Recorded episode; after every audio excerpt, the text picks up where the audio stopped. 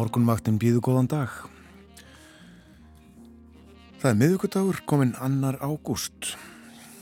Tunglið er fullt, sjáum við. Sjáum við, já við sjáum það í bókum. Skemaði nú eftir því á heimlinum áleið til vinnu í morgun, sá það ekki þar. En ég sá sólina á östurhimninum. Afskaplega fallegt upphaf dags og uh, nokkrir notuðu tækifærið og fór út að hlaupa. Trimmarar kannski að gera sig klára undirbúa sig fyrir Reykjavíkumarathónið sem að verður hlaupið eftir fána vikur. En já ágættis veður uh, þennan morgunin hittinn frá þremu gráðum þar sem svalast var upp í 11 stiga hitta þar sem hlýjast var og uh, vindfræðin, já, sömstaðar logg klukkan 6 í morgun. Og uh, 5 metrar á sekundu líklega sá vindfræði sem að mestur var.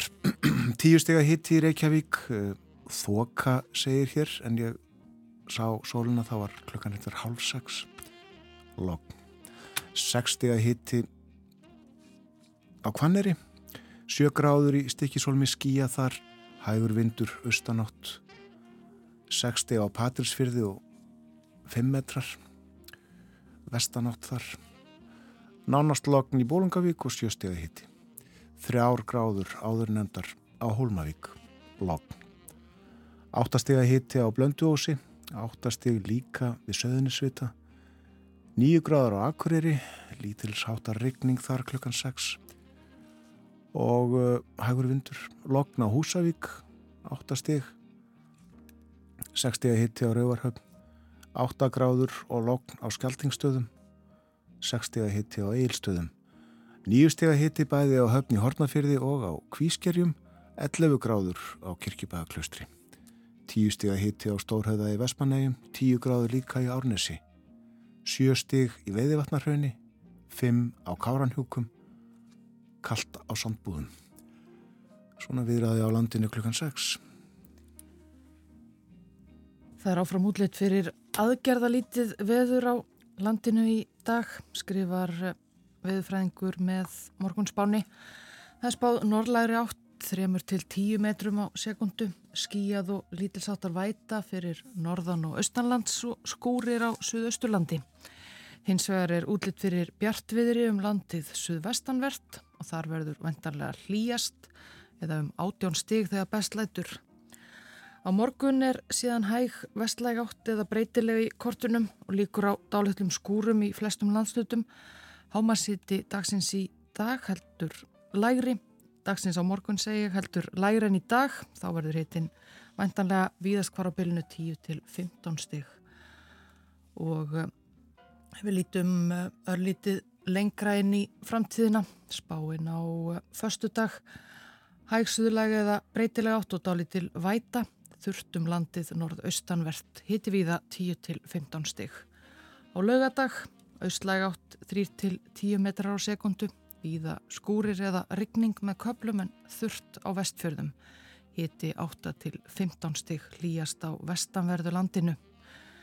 Austlæg átt og skúrir á sunnudag, engum síðdeis en yfirleitt þurft norðan og vestanlands hiti breyti slítið. Og eh, að lokum á mánudag frýta verslunumanna breytilega átt 3-8 metra á sekundu og líkur á skúrum en yfirleitt þurft norðanlands. Hiti viða 10-15 stygg stuttlega yfir um, helgar veðrið annars voru nú veðurfræðingar að tjá sig um það í fréttum á hér á Rúfi gæra þá væri erfitt að segja til um það nákvæmlega hvar besta veðrið er því um Veslunumanna helgina. Meira um veður uh, setna í þættinum uh, ekki eins og það verður heldur eins og það var í, nýliðnum júlimánuði. Já, til okkar kemur Kristín Björg Ólafsdóttir, hún er sérfræðingur á sviði veðurfars rannsókna á Veðurstof Íslands og sér meðal annars um það að taka saman uh, meðal hita, sólskinstundir og uh, fleira sem að veðurstofan heldur utanum fyrir uh, hvern mánuð. Hún ætlar að koma engað og segja okkur frá frá veðrinu í, í liðnum júlímániði og ímislegt uh, fleira um veðurfars rannsóknir. Dagurinn að hefjast hér en uh, dagur að kveldi komin í eigaálfu og þar eru nú 44 fókbaltakonur að reyma á sér takaskona og koma legglífunum fyrir í sokkunum. Það er að hefjast tveir leikir eigast við Argentína og Svíþjóð annarsvegar og Suður Afrika og Ítalija hinsvegar tveir aðri leiki svo setna í dag.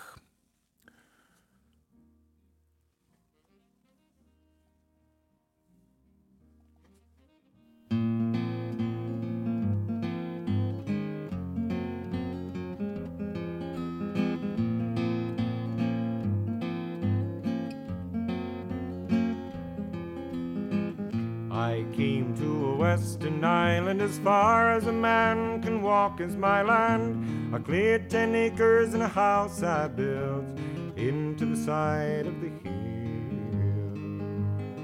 The roof leaks, the windows rattle, and the grass in the high ground won't feed cattle.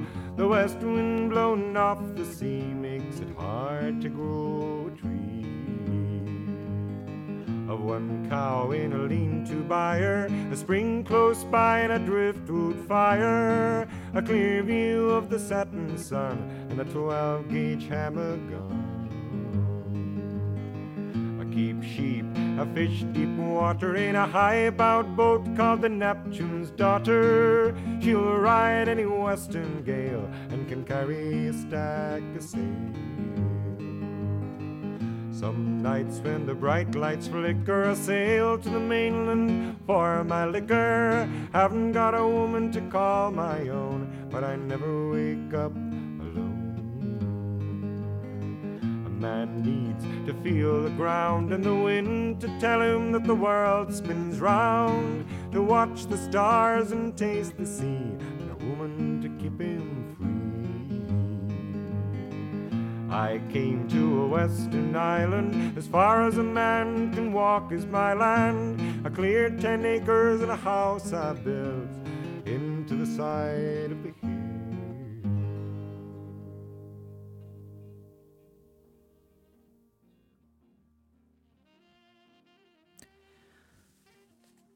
Skoski tónlistamærin Archie Fischer sem að flutti fyrsta lag morgunsins hér á morgumvaktinni Western Island.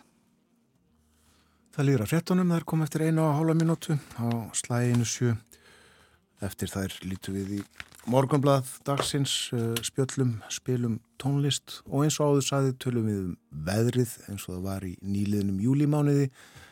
Við förum líka norður í land og eh, fjöllum um Gjögraskaga og svo verður Bortur Argrímsson með okkur dönskmálefni á dagskrá morgunvaktarinnar í dag.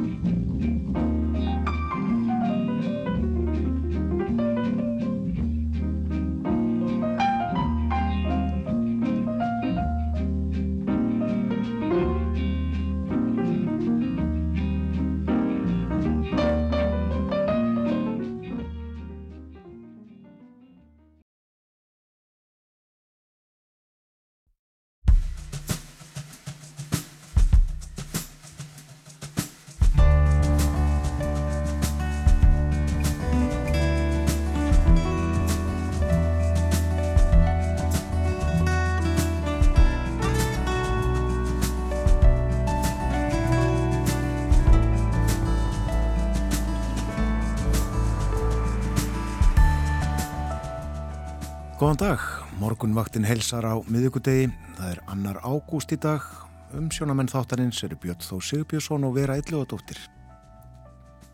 Í frettum á sunnudag, næst síðasta dag júlimánar, var fjallaðum það að möguleiki væri á að mánuðurinn er þið solríkasti júlimánuður í Reykjavík frá upphafi mælinga en það þótti þó tvísínt vegna skíahölu sem lág yfir borginni í morgunsárið á mánudag. Og hvernig fór þetta svo? Fjall þetta met? Kristín Björg Ólafsdóttir, sérfræðingur á sviði veðurfarsrannsókna og veðurstofu Íslands er í óða önn að taka saman upplýsingar um veðurfarið í júli. Hún gefur sér þó tíma til að koma til okkar í hljóðstofu upp úr hálf átta og við ætlum að ræða um veðrið í sumar og vitt og breytt um veðurfarsrannsóknir. Við höfum síðustu daga fjallasvöldið um landið okkar, um áhugaverða staði og svæði sem gaman er að fara um og í dag likur leiðum Gjögraskaga milli Eyjafjörðar og Skjálfandaflóa. Skagan þann vilja reyndar sumir kalla Flatheiaskaga. Björn Ingólfsson, fyrirverandi skólastjóri á Grenivík, hefur skrifað bók um Skagan. Hún er full af fróðleikum, fjöllin og dalina, bæina og lækina. Hann er vel kunnu úr staðháttum. Við ræðum við Björn upp úr hálf nýju. Dönsk málefni eru líka á dagskrá morgumvættarinnar. Borgþór Artgrímsson verður hjá okkur eftir morgun frettinnar klukkan átta og hann fer yfir það sem er efst á baui í Danmörkun. Og rétt þá að fara yfir veðurhorfur dagsins fyrir fólk sem var að vakna. Já, það er áfram útlitt fyrir aðgerðalítið veður á landinu í dag, segir veðurstofan. Það er spáð norðlægri átt 3 til 10 metrum á sekundu. Skíjað og lítilsáttar væta norðan og austanlands í dag. Skúrir á suðausturlandi en bjart viðri um landið suðvestanvert. Hitti 8 til 18 stig, hlýjast suðvestan til. Aðeins að ganni að hittastíjunni í öðrum borgum, borgum úti í heimi. Hittin verður svona öðru kórum megin við 20 gráðurnar í Kaupanöðun, Óslo, Stokkólmi og Helsingi. Svalara í Þórsöfn, tólstíða hitti sínist mér þar þegar hlýjast verður í dag. Skíjað. Svalara í Núk á Grænlandi, 6-7 stíða hitti þar eitthvað svo leiðis og uh, í Berlín þar er núna 17 gráður fyrir í 22 verður hlýra í Róm 33 steg að hitti þar svipaði Madrid og í uh, Lundunum kannski 19 gráður það mun rigna í Bresku höfuborginni í dag. Nú við uh, lítum í morgunblæðið og uh, þar er á forsýðu mynd frá góðstöðunum á Reykjaneskaga sést þarna ofan í gíin við litla hrút.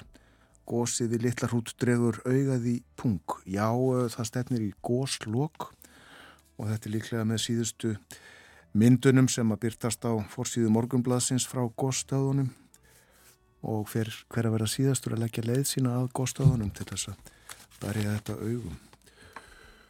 Það ríkur eitthvað undarlega þarna upp úr þessu heyrðu við fréttunum áðan.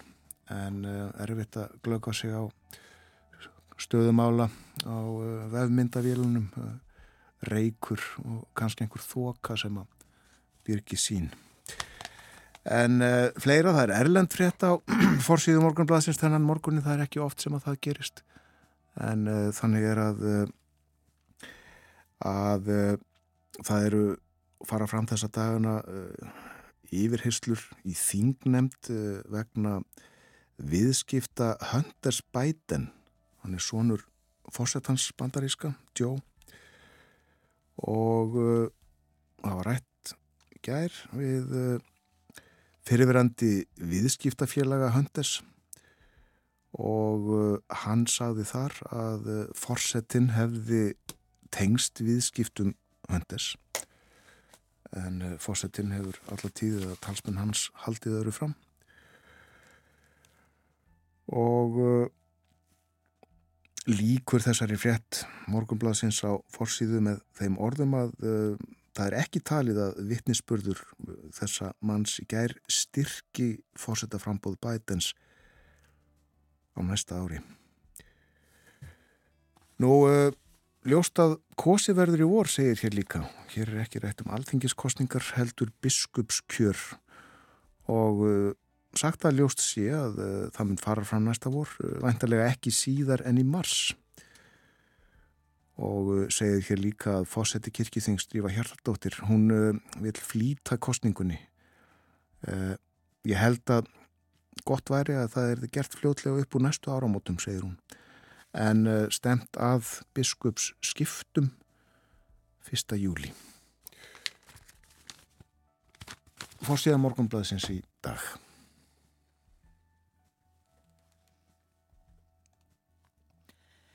Í dag, annan eh, ágúst, er alþjóðlegur dagur til minningar um þjóðarmorð, þjóðverja, þýskra nazista og samverkamenna þeirra á rómafólki í setni heimstyrjöld. Nazistar álitu rómafólk eða síkauina óæðri líkt og eh, þeir gerðu gýðinga og eh, taliða eitthvað á bylinu 200 til 500 þúsund manns af eh, þjóð Rómafólks hafi verið myrt á stríðsárunum. Þessar tölur eru nokkuð á reiki, það var ekki haldið sérstaklega vel utanum það hver, hver mikið af Rómafólki bjó í löndum Evrópu á þessum tíma.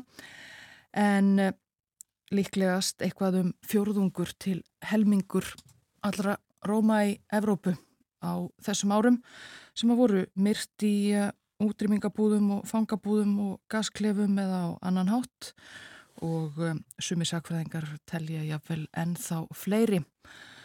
Og þar að voru margir sem að enduðu æfi sína í útrýmingarbúðunum í Ásveits í Pólandi.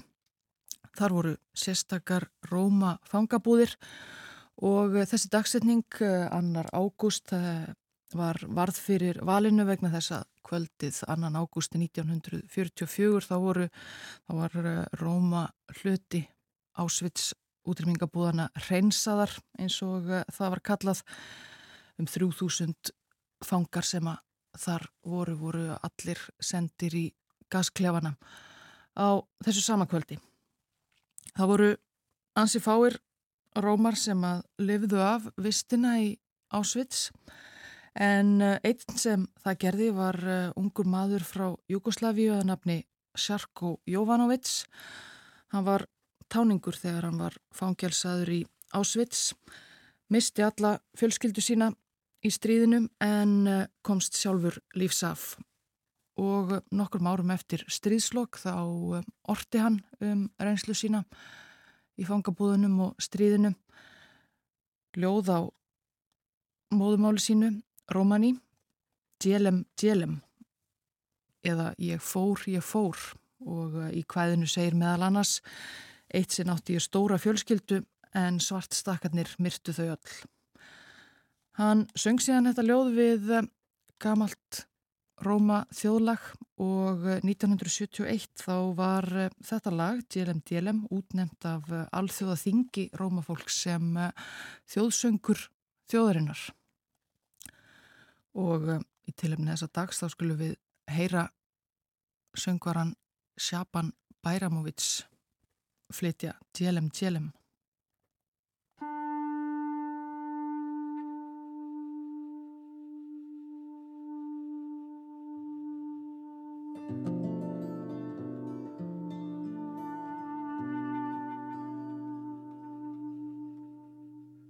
Djelem Djelem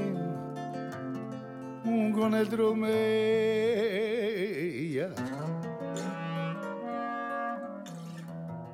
Malak dile ve ve ve ve ve Șucare romesa.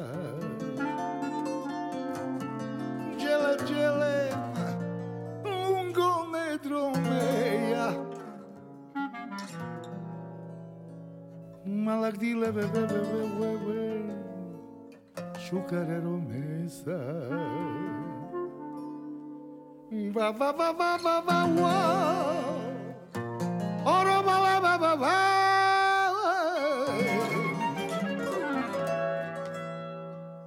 Oh, chavale bebe. Ba ba ba ba ba ba wa wa. Oro ba ba.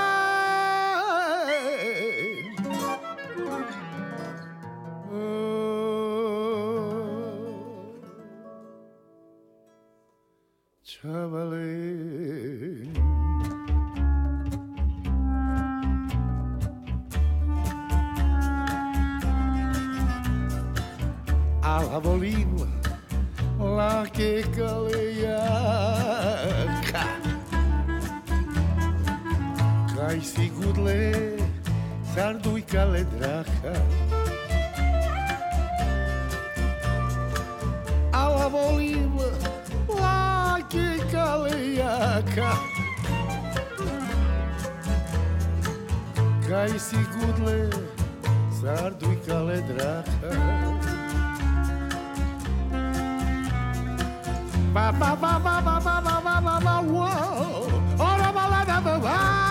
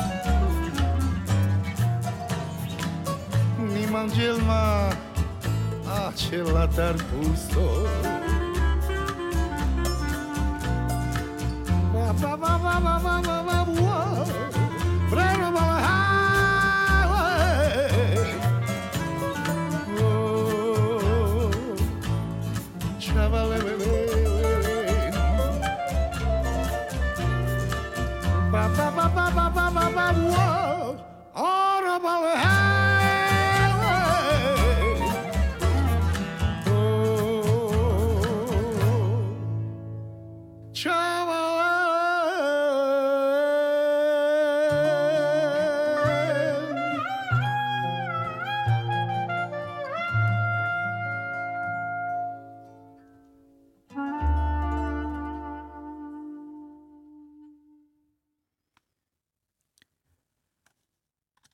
söngvarinn Sjapan Bæramóvits sem að um, þarna söng Tjelem Tjelem. Hér í gerðmorgun þá dáðumst við mjög að forsýðumynd morgunblassins á henni mátti sjá Örn sem að eins og sagði í myndateksta uh, tilti sér um stund við breyðafjörð fjallaði blæðinu um uh, Arnarstofnin og uh, hann sagður ekki hafa verið stærri í meira en öld og nefnur nýjar lendur fylgdi einni fréttinni. Við höfum upp á ljósmyndarannum Róberti A. Stefánsinni, hann er uh, fórstuðumadur Náttúrustofu Vesturlands og uh, hann er í símanum. Heil og sæl Róbert, Já, blessaður. varst þú hérna ánaðið með þessa mynd og við hér á morgunvaktinni? Já, já, hún er hérna, skemmtileg. Það er einstaklega, eða svona, kemur fyrir að maður hérna, hittir á svona augnablik. Varstu nálætt honum? Um, já, nálægt, já, hérna, þannig séð. Uh, einhver, einhverju týr metra vandalega. Það með góða linsu á vélni. Já, það er betra. Það hjálpar til. Þeir eru almennt styggir erðnir. Gefa ekki svona færa á sér uh, oft. Nei, uh, þeim er frekar lítið um mannin gefið það ekki.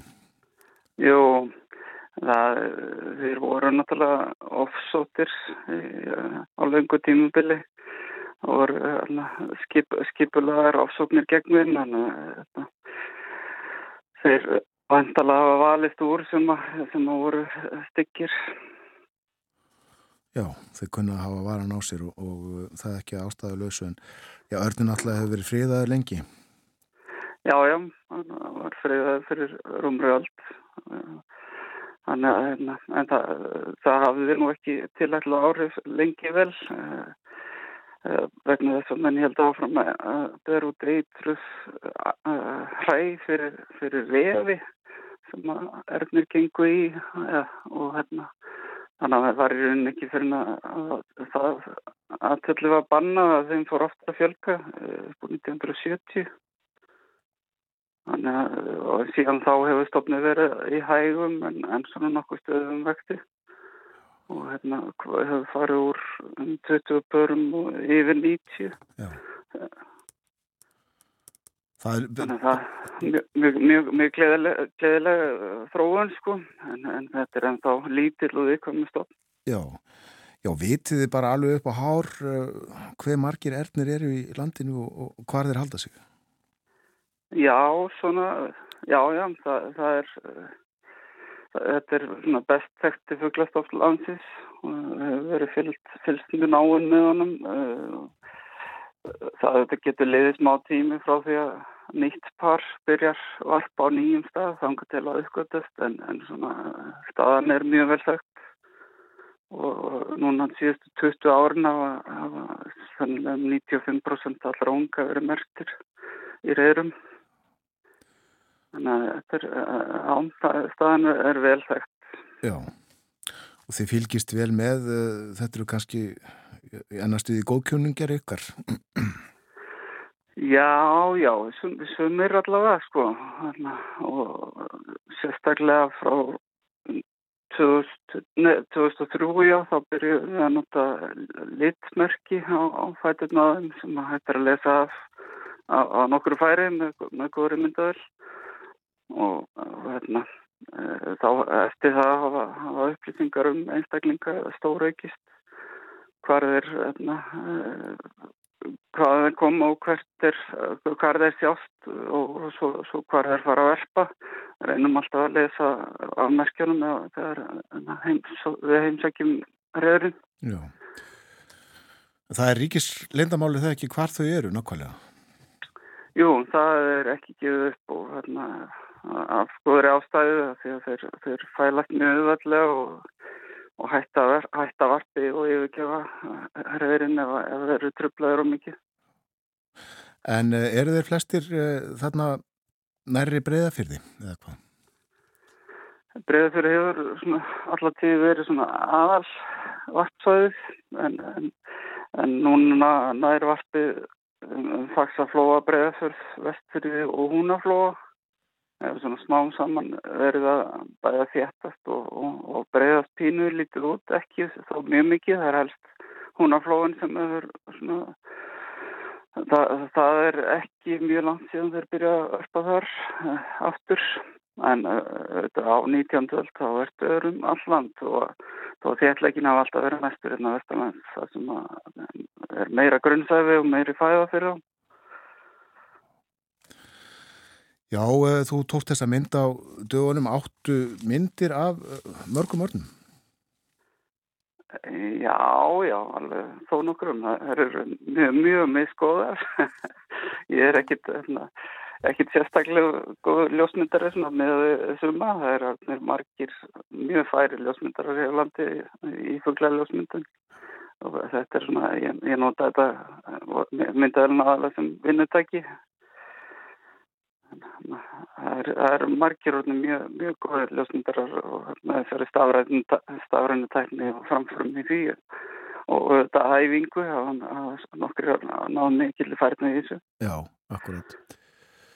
Eh, Tóstu margar myndir af þessum? Er þetta svona mikil löngs, eða stór serja mynda og þessi valin úr sem að rattaði svo á fórsíðu morgunblæsins í gerð Já, já, þetta var hérna Eh, þetta var par sem við vorum að reyna að lesa af og hérna, já já það er til nokkra myndir en, en það er svona eins og þessu gengur að borga sig að taka, taka marga myndir en maður ætlar að ná einnig góðri. Já, akkurat. Para þessi saman snemma erðinir? Þeir svona, verða kynfroska 5-6 ára og hérna, hef ég varp oft um það leiti en, en stundum setna og þetta eru er mjög mjög svona tryggir eh, þetta eru einnkvæmnisvöldlar og halda saman alla tíð anga til annar drefst Þannig, og, og, og eins og ég sagði áðan þá, þá erum við búin að merkja með litmerkjum frá 2003 næstum alla unga og áður, þar áður voru, voru heilmikla merkinga líka. En uh, við sjáum af merkjunum að margir, margir af vartoklónum eru en þá ómertir eða en gömul merki þannig að hérna, eru komnir á þrítusaldurinn að mitt okkur stið. Hvað verða erðnir gamlir? Það er ekki þekkt í smáadröðum en það er alltaf bætastu þekking með, með, með svona merkingum þannig að um, það er ekki ólgengt að þeir verði yfir 20 ára gamlir og uh, ég held að elsti orðin sem vitað um sé 28 ára uh, en uh, það er alveg mögulegt að verði eitthvað eldri en það. Já, og halda þessi alltaf á, á sömu slóðunum? Já, þegar, þegar þeir að koma sér upp óðali þá, þá eru þeir þar allt árið Svona, og, enna, um, og ef þeir verpa þá, þá er varptíminn mjög langur verpa í apríl oftast og, ungarnir verður ekki, ekki flegi fyrir ágúst og halda til áfram eitthvað fram á, eða langt fram á haustu og stundum fram á áramótum á, á heima óðalinu Þannig að hérna, vartin er mjög langur og það snýst mjög mikið um það að koma upp aðkomum eins og hjá öðrum dýrum. Fara margar vinnustundir uh, yfir söma tíman í erðnina hjá þér?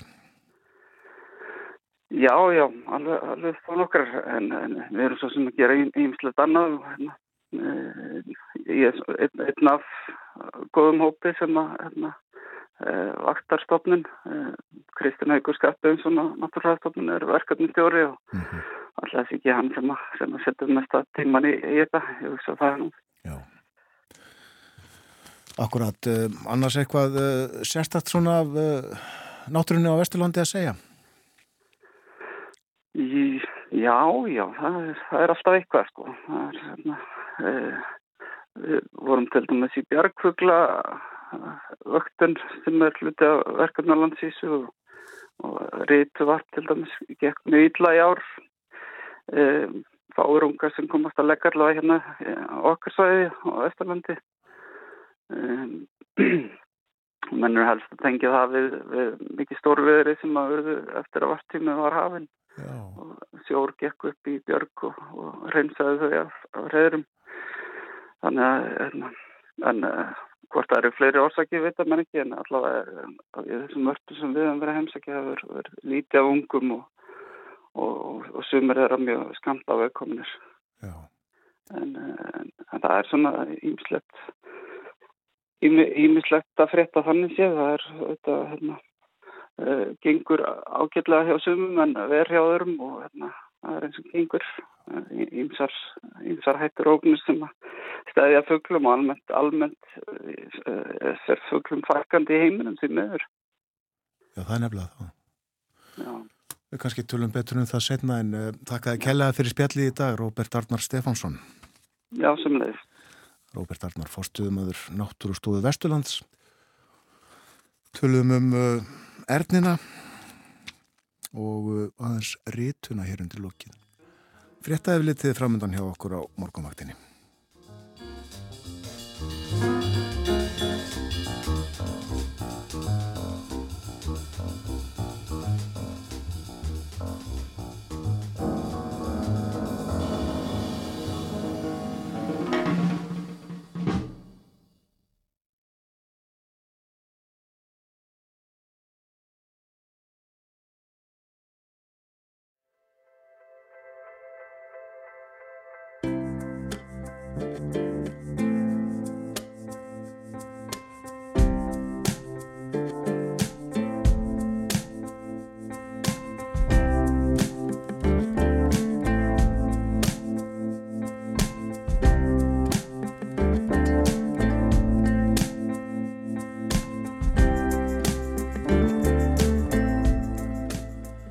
Sæl aftur þegar það hlusta á morgunvaktina á rás 1. Þessu vin, uh, þessi vinnuveika hálnuð, það byrja að verða miðjökudagur í dag. Það er komin annar ágúst. Hér sittja Björn Þór og Vera, við fylgjum ykkur til nýju í dag.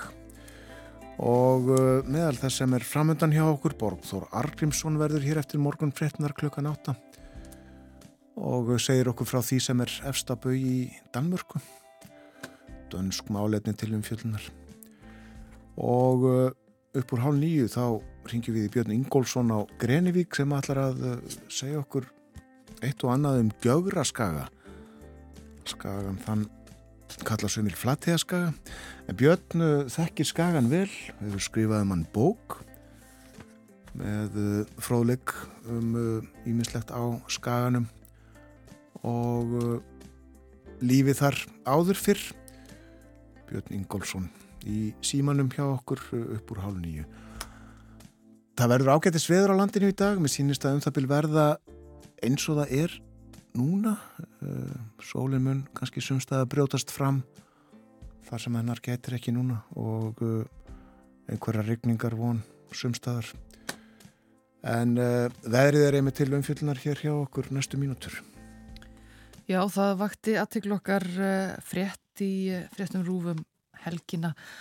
Þar var eh, spurningu velt upp hvort að eh, júlimánuður sem að eh, lauk núna á mánudaginn er þið sólríkasti júlimánuður í Reykjavík frá upphafi mælinga en sangant fréttinni þá þótti það tvísýnt þar sem að skýja hula lág yfir borginni morgunsárið þarna, þarna, þarna á mánudaginn og Hingaði komin Kristín Björg Ólafsdóttir, sérfræðingur á sviði veðurfars rannsókna á Veðurstofu Íslands og uh, ertu velkomin Kristín. Takk fyrir. Já, ertu búin að taka þessar upplýsingar saman? Fjall þetta, fjall þetta tíða met? Nei, það náðist ekki. Það munaði tæpum tveimur stundum. Þannig að þetta var næst sólríkasti júlimánuður í Reykjavík frá upphafumælinga. Hvenar var sólríka, sólríkasti júlimánuðurinn? Það var í júli 1939. Þannig að þessar tölur ná uh, ansi, langt, ansi langt áttur? Já, það hafa verið meldar solskinstundur í Reykjavík frá árinu 1911. Hvernig mælum við solskinstundir? Uh, við gerum það núna bara með sjálfverku mælum. Við, hérna, það var alltaf gert með svona sólakúlu á þakki veðustofunar. Að, hérna, en því er nýhægt. Það eru svona 2-3 ár síðan að því var hægt og við vorum í rauninni svolítið fegin að metið var ekki slegið því að þessar mæli aðferð það er aðeins mismunur á millið þeirra, sérstaklega þegar það er svona svakalega sólurikt. Þá mælir í rauninni sjálfvirkji mælirinn að örlítið meira. Þannig að við hefðum, hérna, ef, ef þetta hefði verið tæft að nást, þá hefðum við ekki verið alveg örygg með metið, sko. Þannig að það er ágætt að, hérna, við þurfum bara að taka stáðu það setna. En hvers vegna hættu þið þá að nota kúluna? Það eru bara flestar veður aðtöðunir hjá okkur eru að færast úr því að vera mannaðar og yfir í sjálfverkar. Það er bara nútíma tæknin. Voru þessar kúlur, uh, svona sambarlega kúlur, viða um land? Já, þær voru viða um land á Akureyri og hérna, samstöðum og Haganis, það voru á nokkrum stöðum en við mælum ekkert solskinstundir á mörgum stöðum á landinu. Nei. Segð okkur aðeins hvernig þeir virkuðu. Ég er ekki alveg svo færast að útskýra hvernig það virkuðu þannig ég ætla að láta það vera núna. Já, já. En það var einhvern veginn metið hvernig sólinn... Skein og hún, það var sett svona sólskinn stund að blað inn hérna og þá brendi hún sem sagt gata á blaðið eftir því uh, hvort að sólinn skein eða ekki. Já, já, já. Sem var svo lesið af og, og metið hvað var, hvað sólinn skein lengi hvern dag fyrir sig. En kannti eitthvað á tæknina í þessum nútímamælum? Ég er heldur ekkert eitthvað fóðala sleipið því, nei. En það er þá eitthvað sem að gleipi sólljósi já, og... Já, já. Og gefur okkur hlutfall hversu mikið sólinn skein á hverju klukkustund. Já. Hvernig var uh, mánuðurinn að öðru leiti? Það var náttúrulega ansið hlýtt líka? Uh, mánuðurinn var ekki sérlega hlýr. Hann var í rauninni hérna kaldur, sérstaklega á norðan og austanlands. Það sem á norðanáttir hafa verið ríkjandi allan mánuðin. Og það er í rauninni bara hérna á suðvestur horni landsins þar sem hitin fór yfir meðaltal. En það sem er það merkilega við þannan mánuðuð er þessi miklu þurrkur og það var alveg óvenju þurrt á sunnan og vestanverði landinu, alveg frá Snæfellsnesi og út af höfn, austur af höfn. Og viða er úrkoman að mælast alveg undir 10 mm og viða svo minnsta sem mælst hefur í júli. Þannig að það eru svona helstu tíðindi mánuðarins. Og ringdi ekkert uh, sömstæðar heila? Lítið sem ekkert. Það er alveg sumar stöðvar sem eru jafnvel bara 0,9 mm eins og til dæmis á Voksásum í Ölfussi. Það ringdi lítið sem ekkert í Grindavík. Vestmanni er það er rosalega lítil úrkoma sem mæltist þar. En úrkomumælingarnar okkar eru svolítið erfiðar þannig að það er að yfirfæri þar þannig að við erum ekki staðfestar tölur ennþá. Þannig að það var alveg mjög lítil úrkoma á mörgum stöðum. Getur við spurt hvernig þið mælið úrkomuna? Já, það er einmitt líka að færast svolítið úr mönnuðum aðtögum yfir í sjálfvirkar og en það er alveg á mjög mörgum stöðum en þá það sem er mælt bara í brúsa og, hver, og það er hérna mælt hversu mikið fjall í brúsan á hverju mótni klukka nýja. Það er alveg á mörgum stöðum og það er mjög gott að blanda saman þessu mönnuðu og sjálfvirka aðtögunum og svo eru við með sjálfvirka mæli það sem úrkoman er viktuð og svona Þannig að, já, þetta eru nokkrar aðferði sem við erum að nota. Eh, verður áfram, uh, já, þú farið einhverju ráðið, uh, verða áfram mannaðar stöðar, mannaðar veðuratvanir, er það mikilvægt? Mm, það, það eru, þeim fer örtfækandi, en ég held að það sé mikilvægt að hafa einhverjar enn þá og hafa þetta svolítið í bland, en við að munu sjálfvirkar mælingar taka yfir að miklu leiti en við hérna, erum með mjög öflugt veður aðtöðuna fólk viða um land og við erum mjög þakklátt fyrir þeirra starf. Já.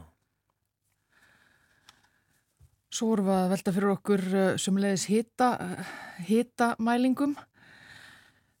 Sko, þegar uh, talað er um einmitt eins og hita á, á uh, höfuborgarsvæðinu, hvar er hitamælirinn? Það hlýtur að vera, kannski getur verið ansi mismunandi veðufar í, í mismunandi hlutum höfuborgarsvæðisins? Já, okkar svona aðal, aðal stöð er við veðustofuna á bústæðaveginum og þegar við erum að skoða veðufari aftur í tíman þá meðum við, við þá stöð. En það hefur verið unnið að því undanfæri nára að, að fjölga veðustöðum hérna á höfuborgarsvæðina því að eins og við vitum þá er veðufari mjög mismunandi eftir hverfum og slíkt. Að, og það er alveg tölveru munur á milli hitta emitt hvort við séum í efri byggðum eða hérna við, við sjóin eða slikt. Já, getur munan nokkrum gráðum reyna? Já, það getur munan nokkrum gráðum og það kom sérstaklega vel fram hérna í kuldatíðinni sem var hérna í vetur í desember að þá var ofta alveg miklu kaldara hérna upp í Norlingholti og þar heldur en við viðstofuna. Þannig að þetta er alveg töluveru munur. Þegar fólk hafið það í huga þegar það talaði um hitta í Reykjavík þá er það hittastíð á, á viðstofuhúsið. Já einmitt það. En eh, já, við nefndum hérna að þetta var þurr júli mánuður en, en, en uh, mánuðurnir þar á undan, mæju og júni, þeir voru nú nokkuð svona úrkomu, úrkomu samir allavega, allavega hér á höfuborgarsvæðinu. Já, það var nefnilega alveg gjör ólíkt veðufar í mæju og júni því þá voru bara ríkjandi suð, sunnan og suðvestlaðar áttir og þá ringdi óvenju mikið hérna suðvestanlands og solskinstundur voru óvenju fáar bæði í mæ og júni þannig að það verið algjör skipti og, og í júni var alveg svakalega hlýtt á norður östurlandi öfugt við það sem er nú. Og þetta er í rauninni hérna, það sem er merkilegt líka er að júni, meðalhitin í júni var herri heldur en meðalhitin í júli landin, á landinu í heild og sumstaðar á östurlandi er alveg töluveru munur þá er, var í rauninni júni alveg fjórum gráðum hlýri heldur en júli til dæmis á eilstöðum þetta gerist ekki oft. Nei, er það júli mánuður svona almennt eh, heitastur og, og þurrastur? Hann er ekki að þurrastur. Mæ og júni eru svona að meðaltali þurrustu mánuðurnir en að meðaltali eru júli eða ágúst hlýjustu mánuðurnir. En það gerist alveg stundum að júni er hlýri, það gerist síðast 1970 þannig að Það er svolítið síðan. Það er svolítið síðan, en náttúrulega júnimánuður var alveg óvenju hlýr hérna fyrir norðan og austan og var hlýjasti júnimánuður á Akureyri og Egilstöðum til dæmis, þannig að það er hérna, það er kannski ekkert skrítið að júli hafi ekki náða að fylla upp í það. Nei. Þið vakti þetta vel og uh, fylgist með, við segjum frá þessu hérna í útvarpinu, erum að tala um þetta núna en uh, sko hefur það mikla þýðingu að uh, fylgjast jafn vel með veðrinu eins og þið gerið og, og halda þessu öllu til haga? Já, það er bara mjög nöðsynlegt, sérstaklega núna í hérna þegar það verið að vakta loftlagsbreytingar og það er mjög mikilvægt að við höfum langar veður tíma raðir og það er mjög mikilvægt að halda vel utanum það. og mikilvægt að vera ekki á, á, á miklu flakki með veðustöðunar þannig við höfum þetta svona góðan samanbörð aftur í tíman. Og getið sagt eitthvað til um það hvort að uh, lofslagsbreytingar hafi áhrif á veðrið hér? Já, já, það hefur náttúrulega hlínað. Það hefur, það, na, þessi öldi, hef, það hefur verið hlýra heldur en það sem á undan var.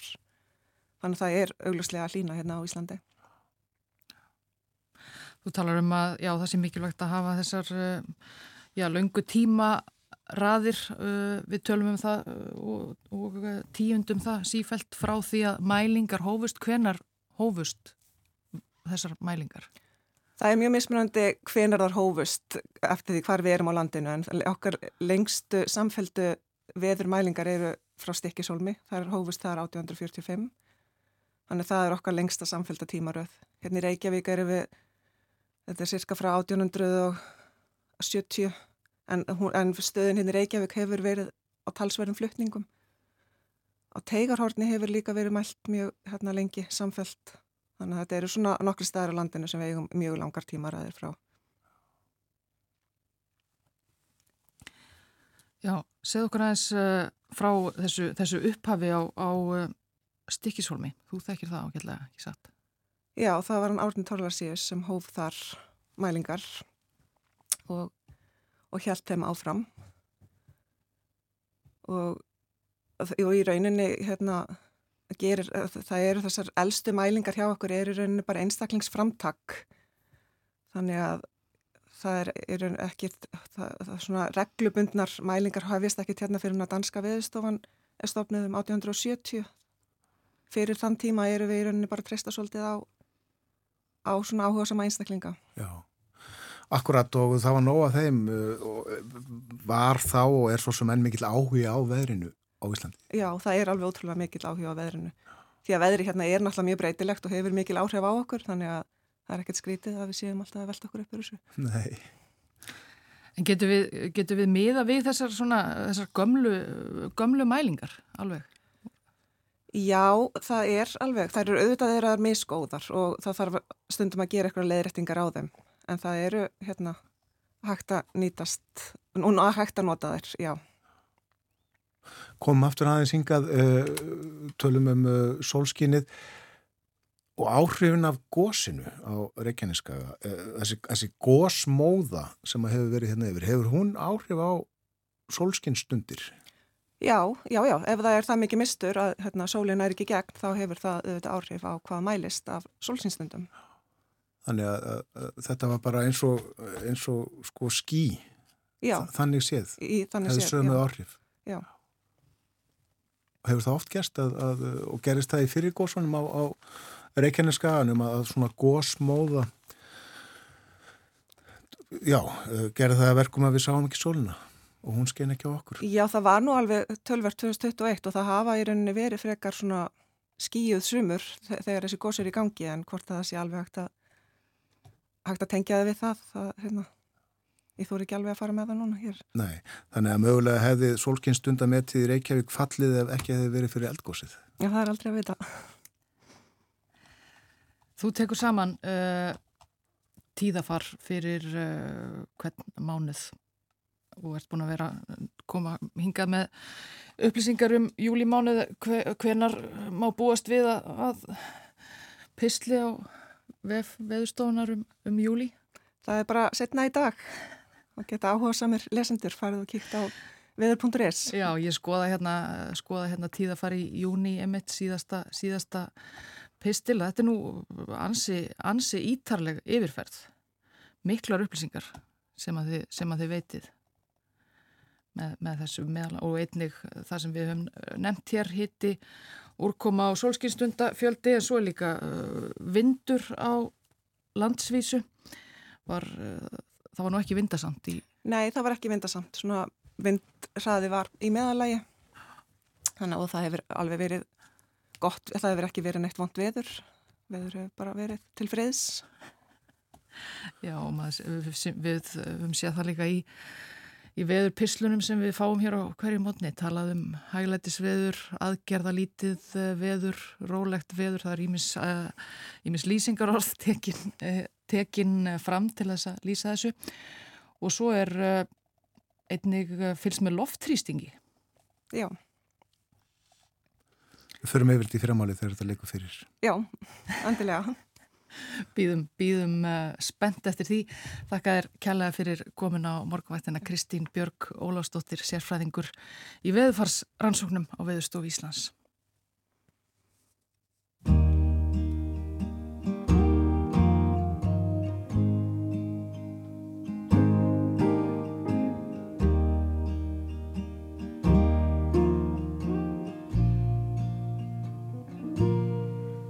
Fram í heiðana ró fann ég bústað og bjó þar sem byrkið og fjalldrapinn grær. Þar er vistinn mér góð, aldrei heyrist þar njóð, þar er hímininn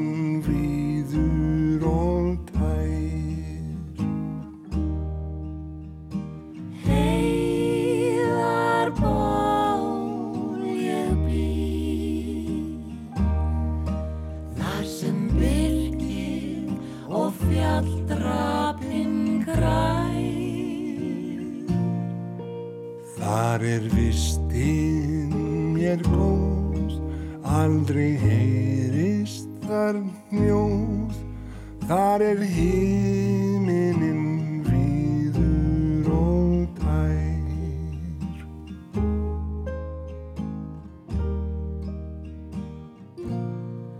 Mörgin stein hljóðu kvöld upp í stjarnana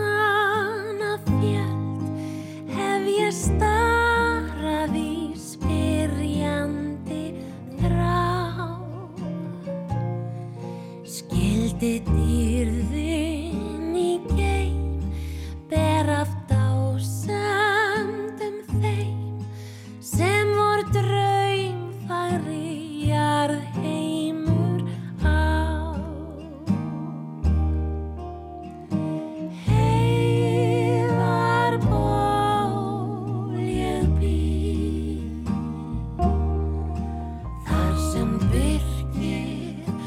og fjalldrapinn græn.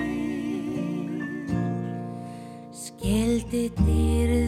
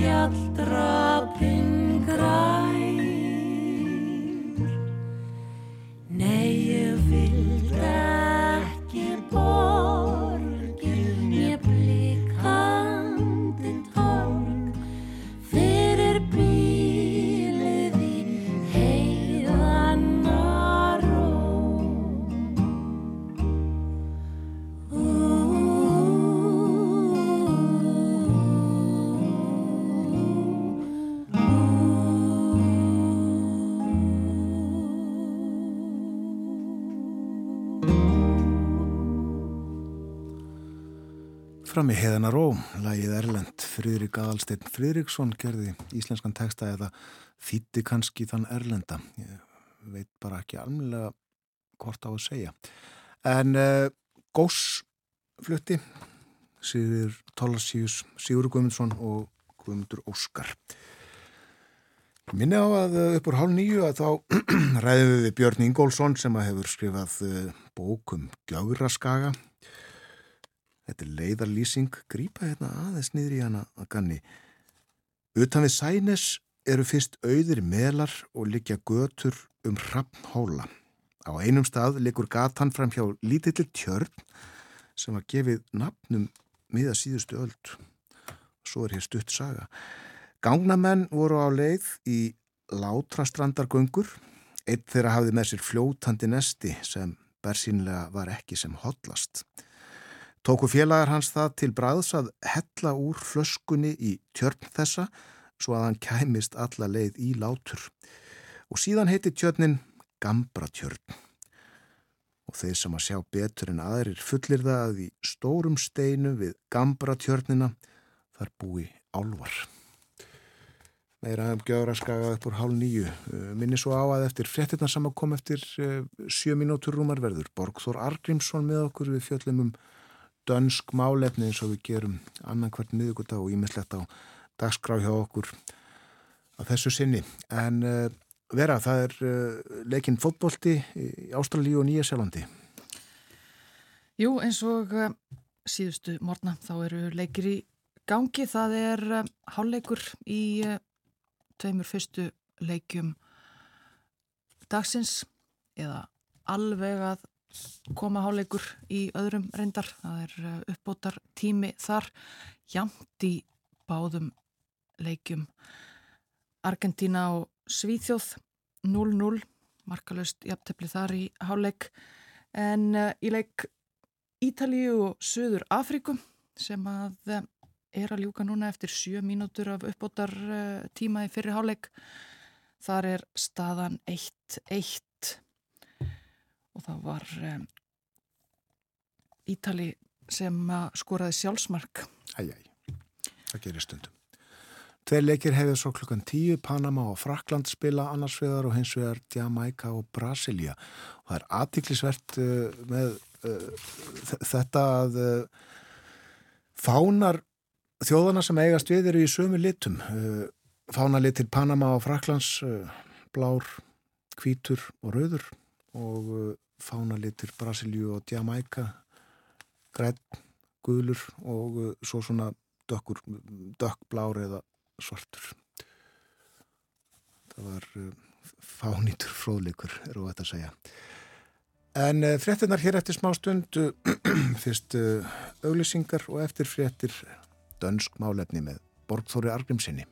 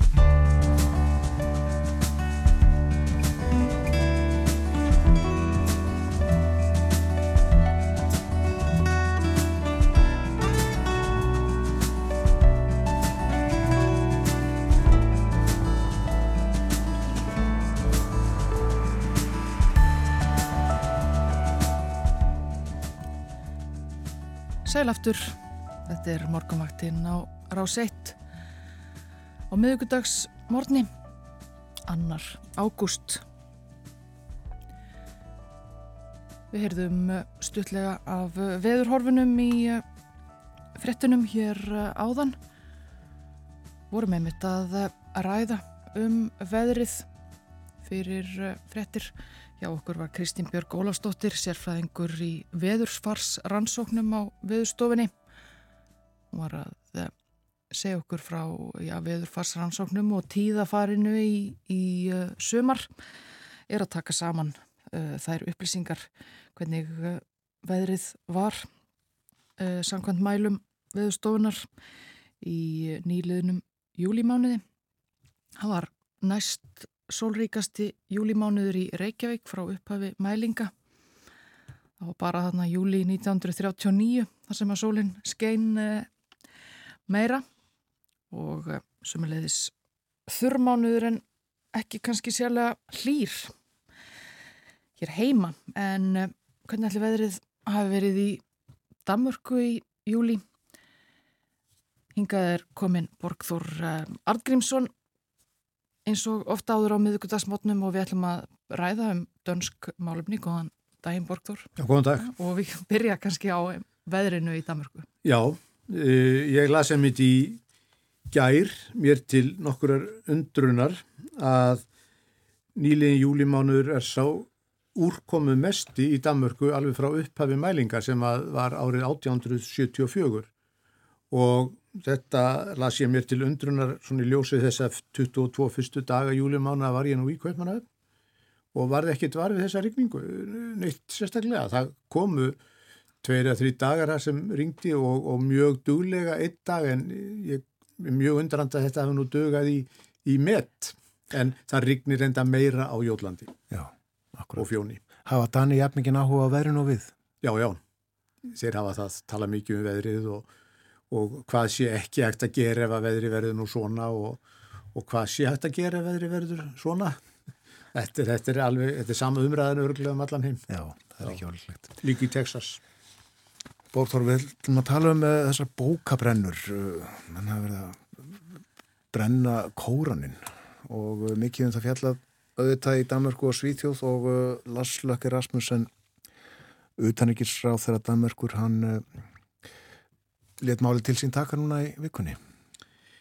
Já, þetta er mikið hitta og, og, og, og vandræða mál og ekki nýtt af nálinni, þannig séð og tegir sig náttúrulega aftur í brennurnar á Múhammes uh, tekningunum sko, um, um hérna fyrir 2005 má ég segja en það virðist vera sem að þólimæði margra muslimaríkja farið dvínandi í, í Gardana og Svíja og það er bara mjög alvarlegt.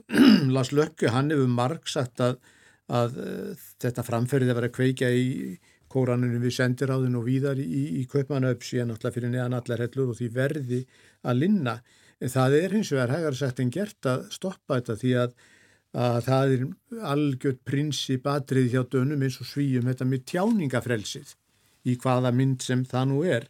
Lökku hefur sagt að þetta eigi nú bara ekkert skilt við tjáningafrelsi, þetta sé einungis ætlað til að nýðulæja þessa þjóði sem við hlutega og, og valda klopningi sem að sé nú aldeilist að síðasta sem að, að þörf sé á.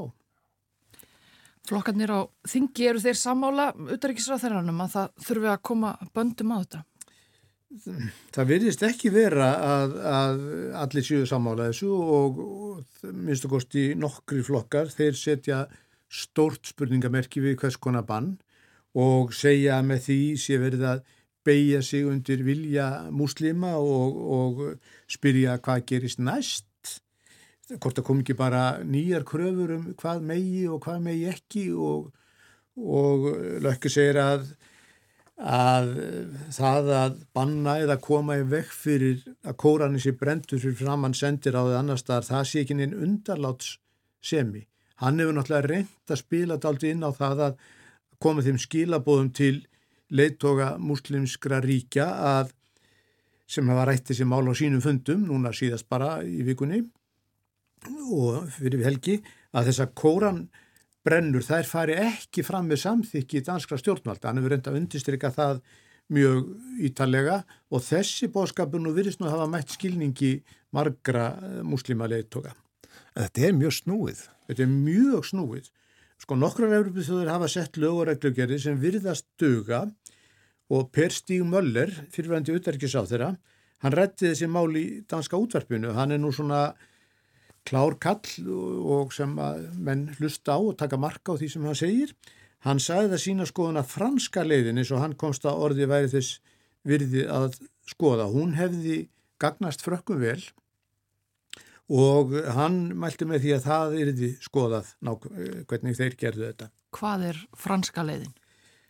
Sko, fransk yfirvöld hafa viðtakar heimildi til þess að grýpa inn með tilvísan, gagvað sko kóranbrennum, með tilvísan um að halda upp í lögum og reglu. Rasmus Paludan sem að margótt hefunu kveikt í kóraninum í Danmörku og Svíþjóð, hann var umsveðalust handtikinn þegar hann kom til Fraklands og bara sendur beinaleið tilbaka úr landi og rauk yfirvöld voru þau að Paludan hefði tilkynnt að hann ætlaði sér að brenna kóranin og það sögðu yfirvöld, er, það er að raska samfélagsró og ef að dansk stjórnvöld ákveða eitthvað þessu líkt þá yrði það að vera með þeim rökum að sé spurningum öryggismál en ekki um trúabröð. Þá væri í sjálfu sér ekki bannað að brenna kóranin en það má bara ekki gera það hvar sem er. Menn var ekki að skipta sig að því þú að Paludan kvekti í einhverjum bókum í gardinum heima hjá sér til dæmis. En maður veit ekkit hvað gerist en Danir og Svíjar ætla sig greinilega að finna einhverja leiði til að, að stöðva þessar uppákomur því þeir eru líka bara hrættir hriðverk sem, sem svar við þessum kóranbrennum. Já. Hvað fleira er rætt í Danmarku þess að dagana? Það er nú ýmislegt. Það vakti nú miklu aðtíkli í februar þegar að Jakob Eilemann Jensen varnamálar á þeirra á formaður Venstre fór í veikindaleifi vegna streytu og álags og það hefði mjög mikil óvisa ríkt um það hvort hann kæmi aftur til starfa en fyrir skömmu var tilkynnt að hann kæmi tilbaka 1. ágúst sérsett í gær og það gekk eftir. Þetta hefur verið mikið til, til umræðu. Já, það er nú ekki oft sem að stjórnmálamenn uh, taka sér frítíðanbundið og, og uh, segja bara eins og er uh, bera við, eða sem sagt, já, útskýra það með, með andlegum erfileikum. Nei, það er, það er ekki algengt. Nei. Og hvað býður hans á skrifstofunni? Það eru ímis mikilvæg verkefni. Það er náttúrulega ekki gott fyrir stjórnmála flokka formaður sjú leik mánuðu saman og, og og þá svona býður ímislegt bara og mjög erfitt mál sem varða til dæmis vopnakaup frá Ísrael sem að samþygt voru í miklu flíti í janúar, skömmu áruna fór í þetta leiði og það sem er alvarlegt við það er það að Jakob Ellemann sagði þinginu ósatt varðandi frest sem að þingið hefði til að segja af eða á um þessi kaup. Það að ljúa að þinginu vísvitandi eða hvernig sé það nú er, er mjög alvarlegt og það verður upplöst tekið upp núna þegar að þingi kemur saman að loknu sumarlefi. Jakob Ellemann segir að hann hafi engöngu byggt þessar uh, upplýsingar sínar, uh, það sem hann sagði á, á því sem hann fekk úr ráðunitinu en þess fresturinn var sem sagt bara einhver örfái dagan ánast en svo kom í ljós að það var alls ekki drétt, hann var margi mánuðir.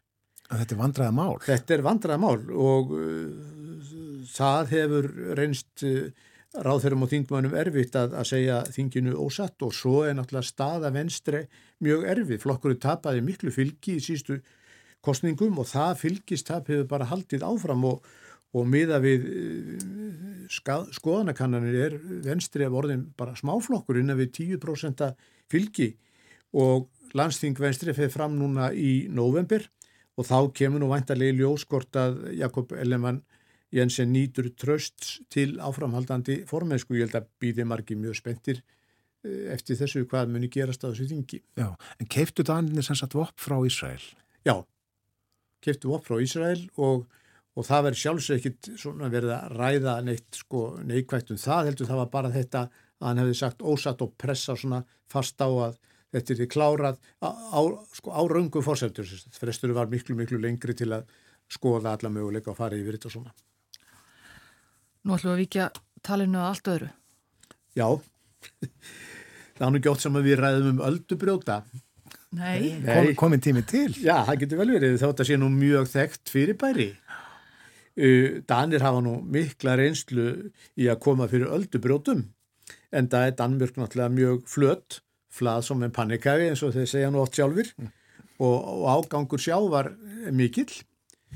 Uh, fyrir nokkrum dögum þá komust svona öldubrjótar við Suðuströnd uh, Fóborg á, á Suðuströnd Fjóns í fréttinnar. Það var þannig að á árunum 2001 til 2018 það var komið fyrir 47 öldubrjótum þetta. Þetta eru nokkra metra langir grjótgarðar, lágur sem að ganga hotrétt bara út frá strandinni. Þetta kallaði öldubrjóta. Og þeir hafa orðið til þess að sjórin hann hefur ekki getið af strandinni eins og hann gerði áður. Og það, til þess var náttúrulega þetta gert. Verja landið. Já, en þetta var sett án formlegs leifis. Oh. Og um, en í fyrra þá lagði sveitarfélagi blessun sína yfir þetta allt saman. Þótt að hann og þá voru pólitíkus að búin að koma og skoða þetta og allir sammála með þetta verið býsta gott mál og allt það sko. En fyrir skömmu þá ógildi uh, úrskurðanemnd umhverfismála þessa ákvörðun á þeirri forsendu að ákvörðun sveitafélagana um að leifa þetta þarna svona eftir á hefði ekki verið nægilega raukstutt og ekki sko, væri ásættanlegt að bara Pétur og Pál geti gert það sem er síndist og fengi svo eitthvað samþygt eftir á. Íbúður á svæðinu segja alla sammálum að þetta sé, hafi verið því besta mála að setja þessu aldrei brjóta og landeyðingin stöðuð og ef að nú er því kannski úrskurði að þetta er allt verið ólulegt og verið nú að rýfa þetta í burtu þá náttúrulega myndi það hafi för með sér alveg óhemmið mikið rask. Og íbúinni vonast náttúrulega til að öldubrjóðinni fá að vera og, og svo verðum við bara að sjá hvað gerist. En mér langar nú að nefna þess örstutt, ekki öldubrjóðana, heldur að það var, því við tölum um uppbóðshúsið Lárit sérna fyrir skömmu, það væri komið í þrótt og óvist hvað er því, en það var tilkynnt í, í gæriða fyrradag að það hefur fundist kaupandi að nánast öllu fyrirtækinu þannig að starfsemi þess heldur áfram Það er lítið uppbóðshús sem heitir uppbóðshúsið í Hörsholm sem hefur keift eiginlega mest allan reksturinn. Já, þetta var tilkynnti í gær. Það er einmitt það. Nefnum líka að stórleikur fer fram í fókbólta á parken í kvöld FC Kaupmann að tökur um út í breðablík. Já.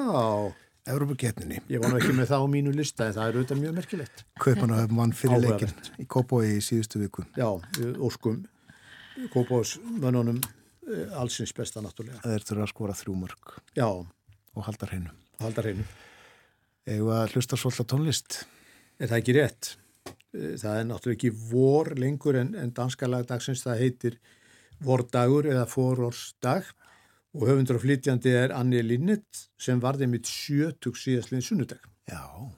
Hún er eitt þekktasti tónlistamæður Danmerkur, bæði sem höfundur og flytjandi Margir Íslendinga þekkja hana mjög vel, hún byrjaði kornung í tónlistinni, hún er með próf frá Jóska tónlistarháskólanum og stopnaði árið 1974 fyrstu dönsku kvennaljónsettina, Sitt og Chanel, sem var Íslendinga kvöldunum alltaf Skít og Kanil.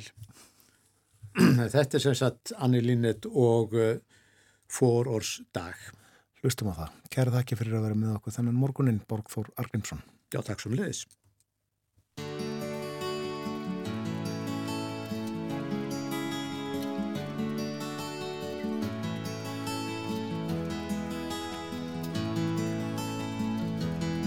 Du ved det sikkert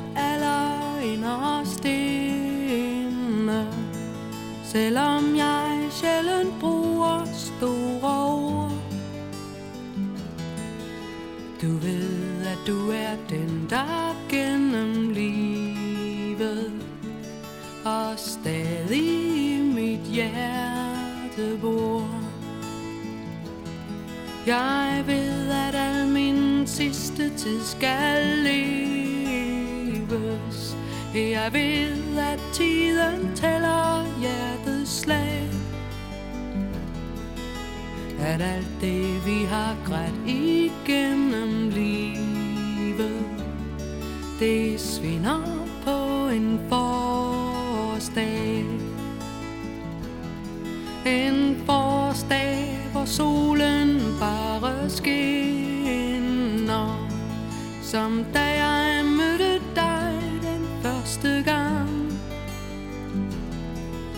Og hele verden svandt kun solen så os. Og lavede en stille sang. Og det er den jeg endelig har fundet. Så mange år er gået sidenhen. Vi tænker vel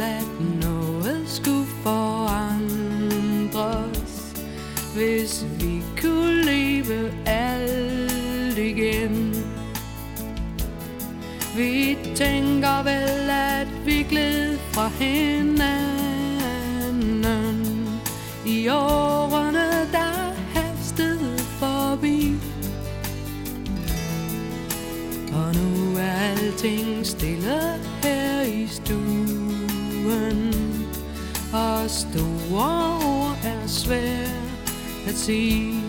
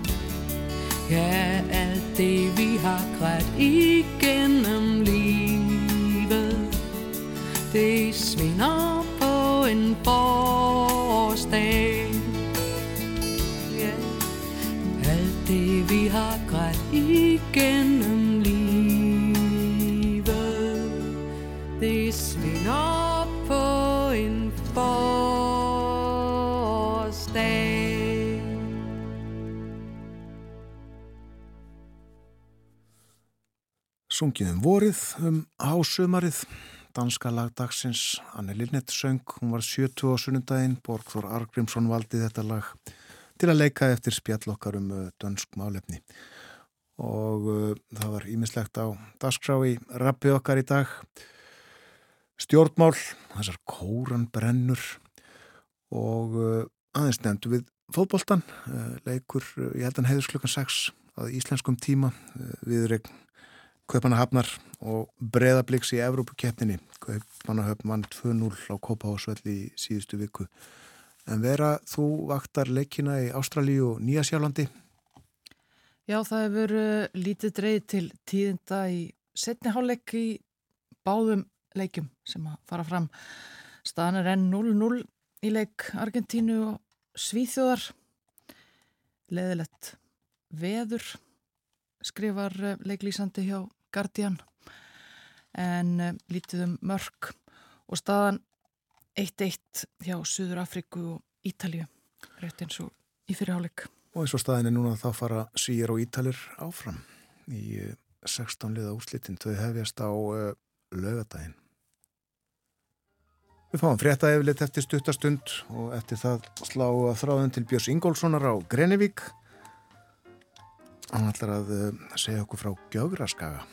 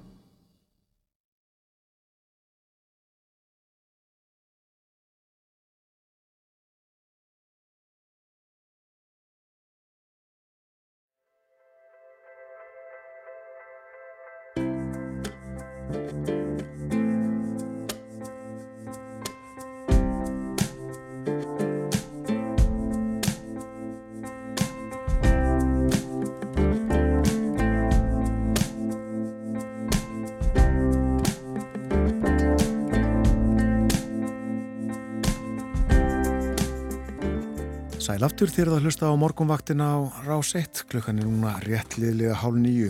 Já, góðan dag þið sem voruð að vakna. Það er miðugudagur í dag, annar dagur ágústmánaðar.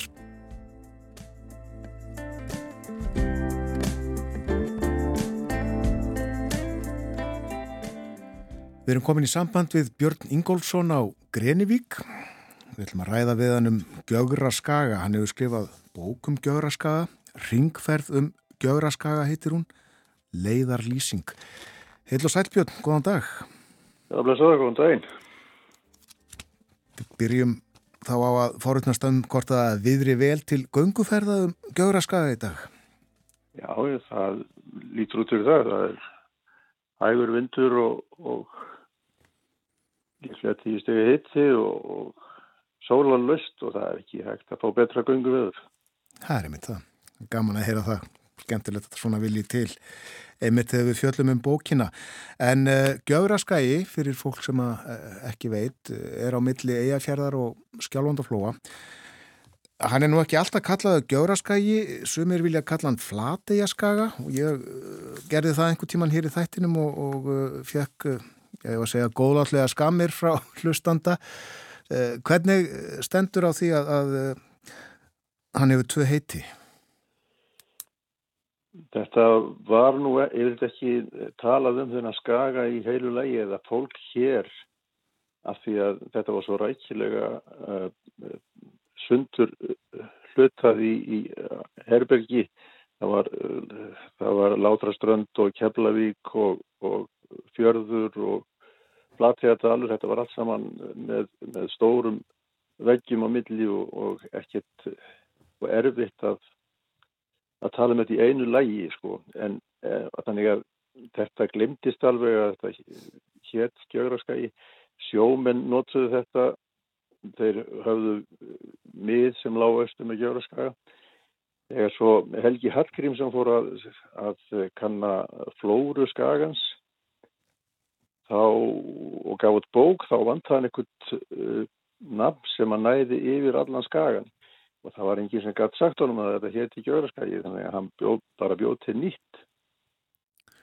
Þetta var 1976 og þá gaf hann bók sem hitt Flóra Flattegaskagi og þannig komst þetta nafn á, á Kreg og, og, og fekk bara fekk bara fæturna og, og hjá öllum sem þurftu þarna fóru menna að rannsaka þetta land og fóru líka ferðast hérna um þetta mikið og og gáttu sagt að þið væri á flattfjörskaga en, en uh, svo kom þetta á daginn að, að þarna var gamalt nafn og við erum svona að reyna að halda því til haga hérna og, og en, en uh, þetta heitir bara tveimu nöfnum og menn ráði því alveg hvort nafnið er notfært. Það verður bara svo að vera.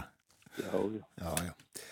Þau eru mörg og örnefnin þarna, uh, við tölum aðeins um þau og eftir, en uh, þú uh, þekkir nokkuð til byggðarinnar sem að var þarna, já fyrir hvað, 130 árum eitthvað svoleiðis, eða ekki, það var búið þarna víða, Mar margir bæir. Það voru í fjörðum, voru tíu bæir, stundum 11, að, að það er að segja í Kvalvarsfyrði og Þorgesfyrði og í, í sókninni var líka Keflavík þannig þetta voru svona 11 eða 12 bæir. Og þannig var uh, bara fjölmenni í kringum 1880 var þarna 120 manns. Og, og, og talsveit svona bara menningalíf þetta var ekkit, þetta var uh, náttúrulega afskekt uh, frá okkur síðan hérðan en, en, en var já þetta var bara gott mannlíf þarna en auðvitað erfitt að búa þarna. Já. Var það bindindisfélag á þetta? Já, það starfaði þarna bindindisfélag. Það voru, þetta var tískastofna bindindisfélag þarna svona um, millir 80 og 90 og þau starfuðu nú flest fram yfir, bara svona stutt fram yfir aldamót, já, þá komu ungmennafélaginu og tóku við þessu einlega. Þau voru með bindindi á, á, á sinni stefnusgró. En það var aldrei ungmennafélagi í fjörðum en, en þeir áttu sér eh, bindindisfélag. Og þau voru hérna þrjú önnur hérna í þessum hreppi, sko. Þetta var svo vinsalt. Já. Er einhver búskapur enn eh, á þessum stöðum eða bæjum sem þú nefndir? Nei, þetta er bara, það er alveg aukt, alveg frá austánu kinn sko. Flathéttalur allur farin í eyði, það eru svona hús þar yfir sögmanni sem eru notu og, og alveg inn á Látraströnd og einst í bæri á Látraströnd er ennþá í byggð finnastæðir. Þar voru líka e, mann rétt 11 bæir og þar, þar var yfir 100 manns þegar best lit. 100 manns þannig, já. Já, við ætlum að tala um uh, örnefnin uh, fjörður. Það er svolítið sérstætt og vefst fyrir sömum. Já, þetta er svona þetta er, já, sem ég segi, þetta er bara málvilla en þetta er þetta bara nýjiri sem kemur til að því að, að, að þegar maður fara að tala um að fara út í fjörðu, fyrir þér um fjörðu frá fjörðum til fjörðast var engin á þessu er en þegar maður fór út í fjörðu þá datt stundum þarna er inn, já. fór út í fjörður. Það er eins og þegar við erum blöytir í fæturnar sem á ekki vera eða, eða klæjar fingurnar. Við missum stundum þannig er, þetta er alveg samskona fyrirbæri en það er vissi til svona málfræðileg skýring á þessu sem ég kann ekki. Nei. En eh, já, menn notuð þetta ég býst þetta sérst í, í réttum eða sko gamlum brefum og svoleiðis. Að þá fara með nýmist út í fjörðu eða fjörður og svo náði þetta svona fótfestu og, og, og hefur gert það meira upp á síðkasti sko. og ég veist þetta er flott orð. Fjörður, já, er... Þetta er til líka fyrir vestan en það er í stafkaður farið inn í fjörðurnar þegar þeir eru farin á jökulfyrði Og Gjögra Skæi heitir hann. Já en tala um Gjögur ímist í eintölu eða flertölu fjallið heiti Gjögur og, og oftast Gjögur fjall bara. Og svo, svo er hérna Gjögraskál eða Gjögurskál og, og Gjögravógur og, og þetta er svona sitt og hvað sem að segja. Já og þau eru mörg örnefnin þarna auðvitað allt, allt hefur sitt heiti og bísna mörg nokkuð sérstök. Já, það er þarna sérstök bæjarnöfn til dæmis eins og kussumstaðir. Það er nú engin hveðið upp með, með endanlegan úrskurðum hvað þetta þýðir en það er svona ímislegt sem bendir til þetta sé, sé hérna svona kussungur sé bara svona eins og bólakálfur en, en ég þór ekki að fullera það neitt um stað. Svo er hérna tindriðastæðir, það er nú ennþá óskiljanlega nafn. Og ég veit ekki til þess að nokkur hafi fundið sennilega skýring á því. Prestar skrifuðu stundum eh, tindra staðir eða, eða tundra staðir jável í kirkjubækunar Já Það eru eh, allt ásinn alltaf einhverja skýringar hvort sem þið þekkja þeir eða ekki en, en stundum kannski bara eh, ekki skýr skrift sem veldur því að, að eitthvað heitir það sem það heitir. Já, já, það getur alveg verið. Það, það getur. En, en maður veit ekki eins og þessi nöfn sko. Eh, svo er hérna eitt skemmtilegt fjall sem heitir Lútur. Já. og mér er hún að kjent það ég barnað þarna væri fjall í fjörðum sem heitir Lútur og það lítur að vera karkinn en svo voru gánamenn alltaf að smala lútina. Þá var lúturinn alltaf í norðin kvenkins.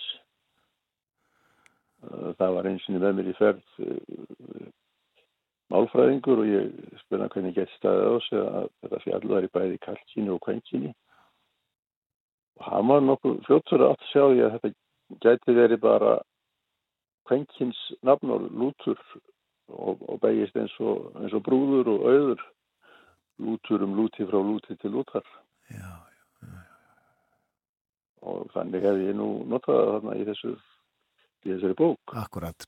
Og svo eru þarna láaþóra og háaþóra og uksaskarð og berjabrekka, svo er nöfnum eitthvað. Já, já, já. Það veitur þetta engin hvernig svona nöfnum verða til, en það er skemmtilegt með, með háaþóru og láaþóru.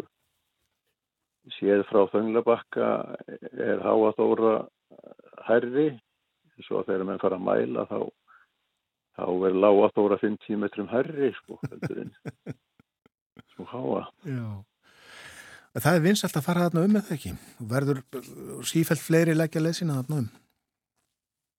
Jú, það er, það er greinlega talsverð, talsverð umferð þarna og, og maður sér það bara á, á götum sem menn ganga. Þetta er vel tróðið. Ég fór þarna og, til Fenglabakka á sunnundaginn það var að messa, alltaf messa þarna síðasta sundag í, í júli eða hektar og ég, það er greinilega mikil mikil tróðum að þessar göttur þarna. Já. Og messan vel sótt? Það hefði mátt koma fleiri en, en þarna var til dæmis 2007 þá var, þá var 150 mann sem var sótt í messuðana. Já, já en stundum hefur þetta fallið niður stundum vegna þess að það var ekki búið að opna veginn 20. Og, og annan júli og þá var þessu slegið á frest eða slegið af en það var nú ekki svo núna sjálf að verði en snjólétt eins og núna Emitt. Hvernig er emitt með akveið þarna á, á skaganum? það er hægt að, hægt að komast á bíl út í kvalvarsjörð og alveg út á sjó þetta er svona þetta er svona þokkalegur vegur alveg. Þetta er nú ekki fyrir fólksbíla það er svona það er ekki nógu hátt undir þá. En uh, hægt að koma svona jeflingum það mjög öðulega þetta er bara ágætt sögur það er engið svona eitthvað torfæru þarna sérstakar. En þetta svona malarvegur og grítur ekki eins og malbygg en, en heilmikil umferð þarna held ég En uh, göngufólk uh, fer það dagsferðir eða, eða slærðaði tjöldum eða eru skálar og gjöra skaga? Það eru, það eru skálar sérstaklega á þönglabakka og á látrum það, það eru það er kóið fyrir 16 manns á Þenglabakka og það er svona svipað á, á látrum, hægt að koma fleiru með, með góðum úti svo er skáli í Keflavík hann er miklu minni, það er ekki nema, nema 8 kóið og en svo erum við með tjöld líka þarna og og þetta er eins og við fórum hérna í gamla daga það var hér fyrirtæki sem hétt eh, fjörðungar og sáu um trúsferðir þennan ring eins og ég er að lýsa á þess vegna og þannig var nú til þessi lýsingi fyrir 20 árum eða, eða meira. Leiða lýsingin. Svona, svona, svona beinagrindina þessu. Já. og ég var í þessum ferðum með þeim. Og svo fara menn náttúrulega bara upp á einn spítur með tjald og, eða ekki og gista í skálum eða úti og, og sumir fara, það er aldrei aðgengt held ég, menn keiri út í kvalvarsjörð og gangi yfir í þönglabakk og aftur tilbaka í Keflavík og aftur tilbaka, það er ég, kannski gista á þönglabakka og ganga í Keflavík og aftur tilbaka, það er mjög fint sko. Já. Sumir hafa með sér veiðistöng eða ekki, það, er, það eru ár þarna.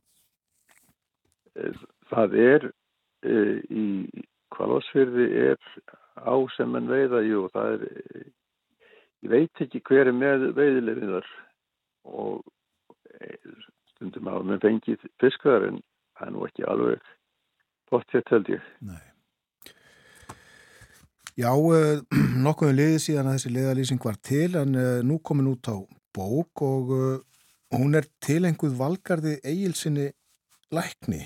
Það var nú ekki bara læknir heldur líka skáld og, og leiðsugum aður. Segð okkur hans frá, frá honum og tengingu hans við skagan. Valgarður náttúrulega, var náttúrulega fættur hér, fættur hérna á Greinivík og átti heima í Hlérskó lengi og hann eh, var með sko þetta, ég held að held að ég segja hann hafi verið með þetta svæði hérna alveg á heilanum hann bekti þetta út og inn og, og, og kunni alla söguna og alla landafræðina og, og náttúru jarðsöguna og allt. Og hann eiginlega byrjaði á því að að fara svona hópferðir í þennan ring en hann fór vennilega sko hínulegðina við fórum hérna hjá fjörðungum alltaf rángsælis en hann vildi frekka fara eh, réttsælis og þá fór hann kannski alla leið eh, austur og flatthjertal og það er en hann fór gríðarlega margar ferðir þarna með alls konar hópa og, og ég var nokkur sinni búin að hitta hann og þá var hann alltaf að fara síðustu ferðina. Og hérna hann var nú farin eldastólt þegar svona en, en alltaf kom hann aftur var merkum aður hérna valgarður og, og, og gott að geta tengt hann við þetta, þetta svæði. Já, valgarður Eilsson lest 2018 fyrir 5 árum. Þakka þér kellega spjall, fyrir uh, spjallið Björn Ingólfsson og, og uh, til hamingju með þessa fínu bók. Uh, hún er handtæk, það er íminst þetta gluggi hana að lesa heima í sofa eða hafa hana einmitt meðferðis og þannig úr hún einmitt hugsu er það ekki? Jú, það er sko, mm, þá getur maður lesið bókinu og farið svo hérna og, og, og hérna og kannad, kannad þetta en svo getur það líka farið og farið svo heim og, og lesi bókinu og þá þurfum við að fara aftur Þakka þér kjærlega fyrir spjallið aftur. Þakka þér.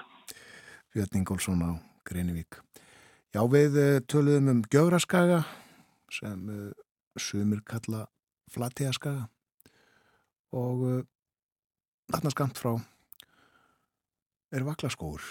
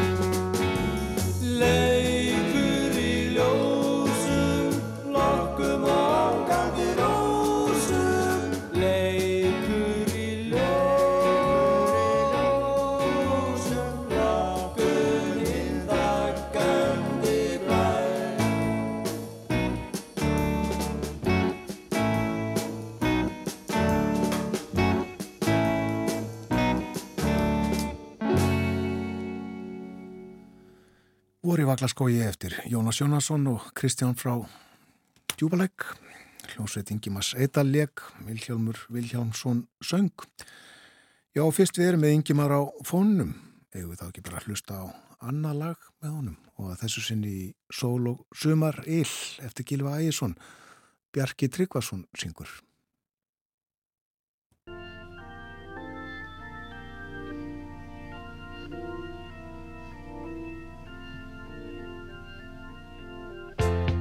Í sól og sumarir ég satt eitt færan dag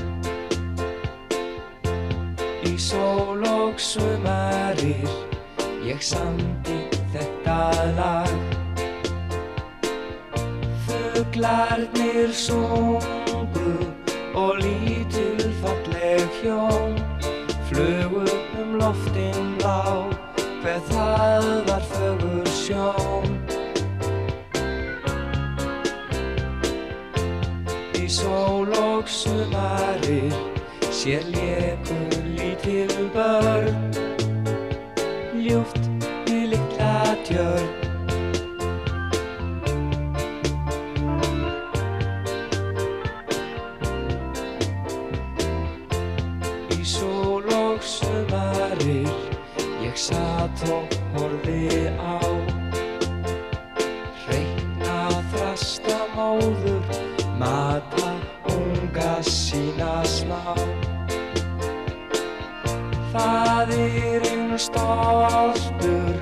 stóð þar spertur hjá.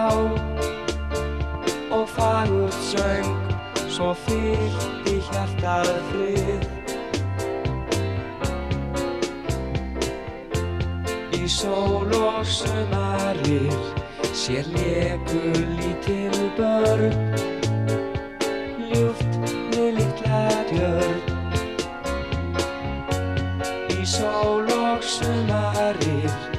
samdi þetta lag. Hver fagur var þann dag?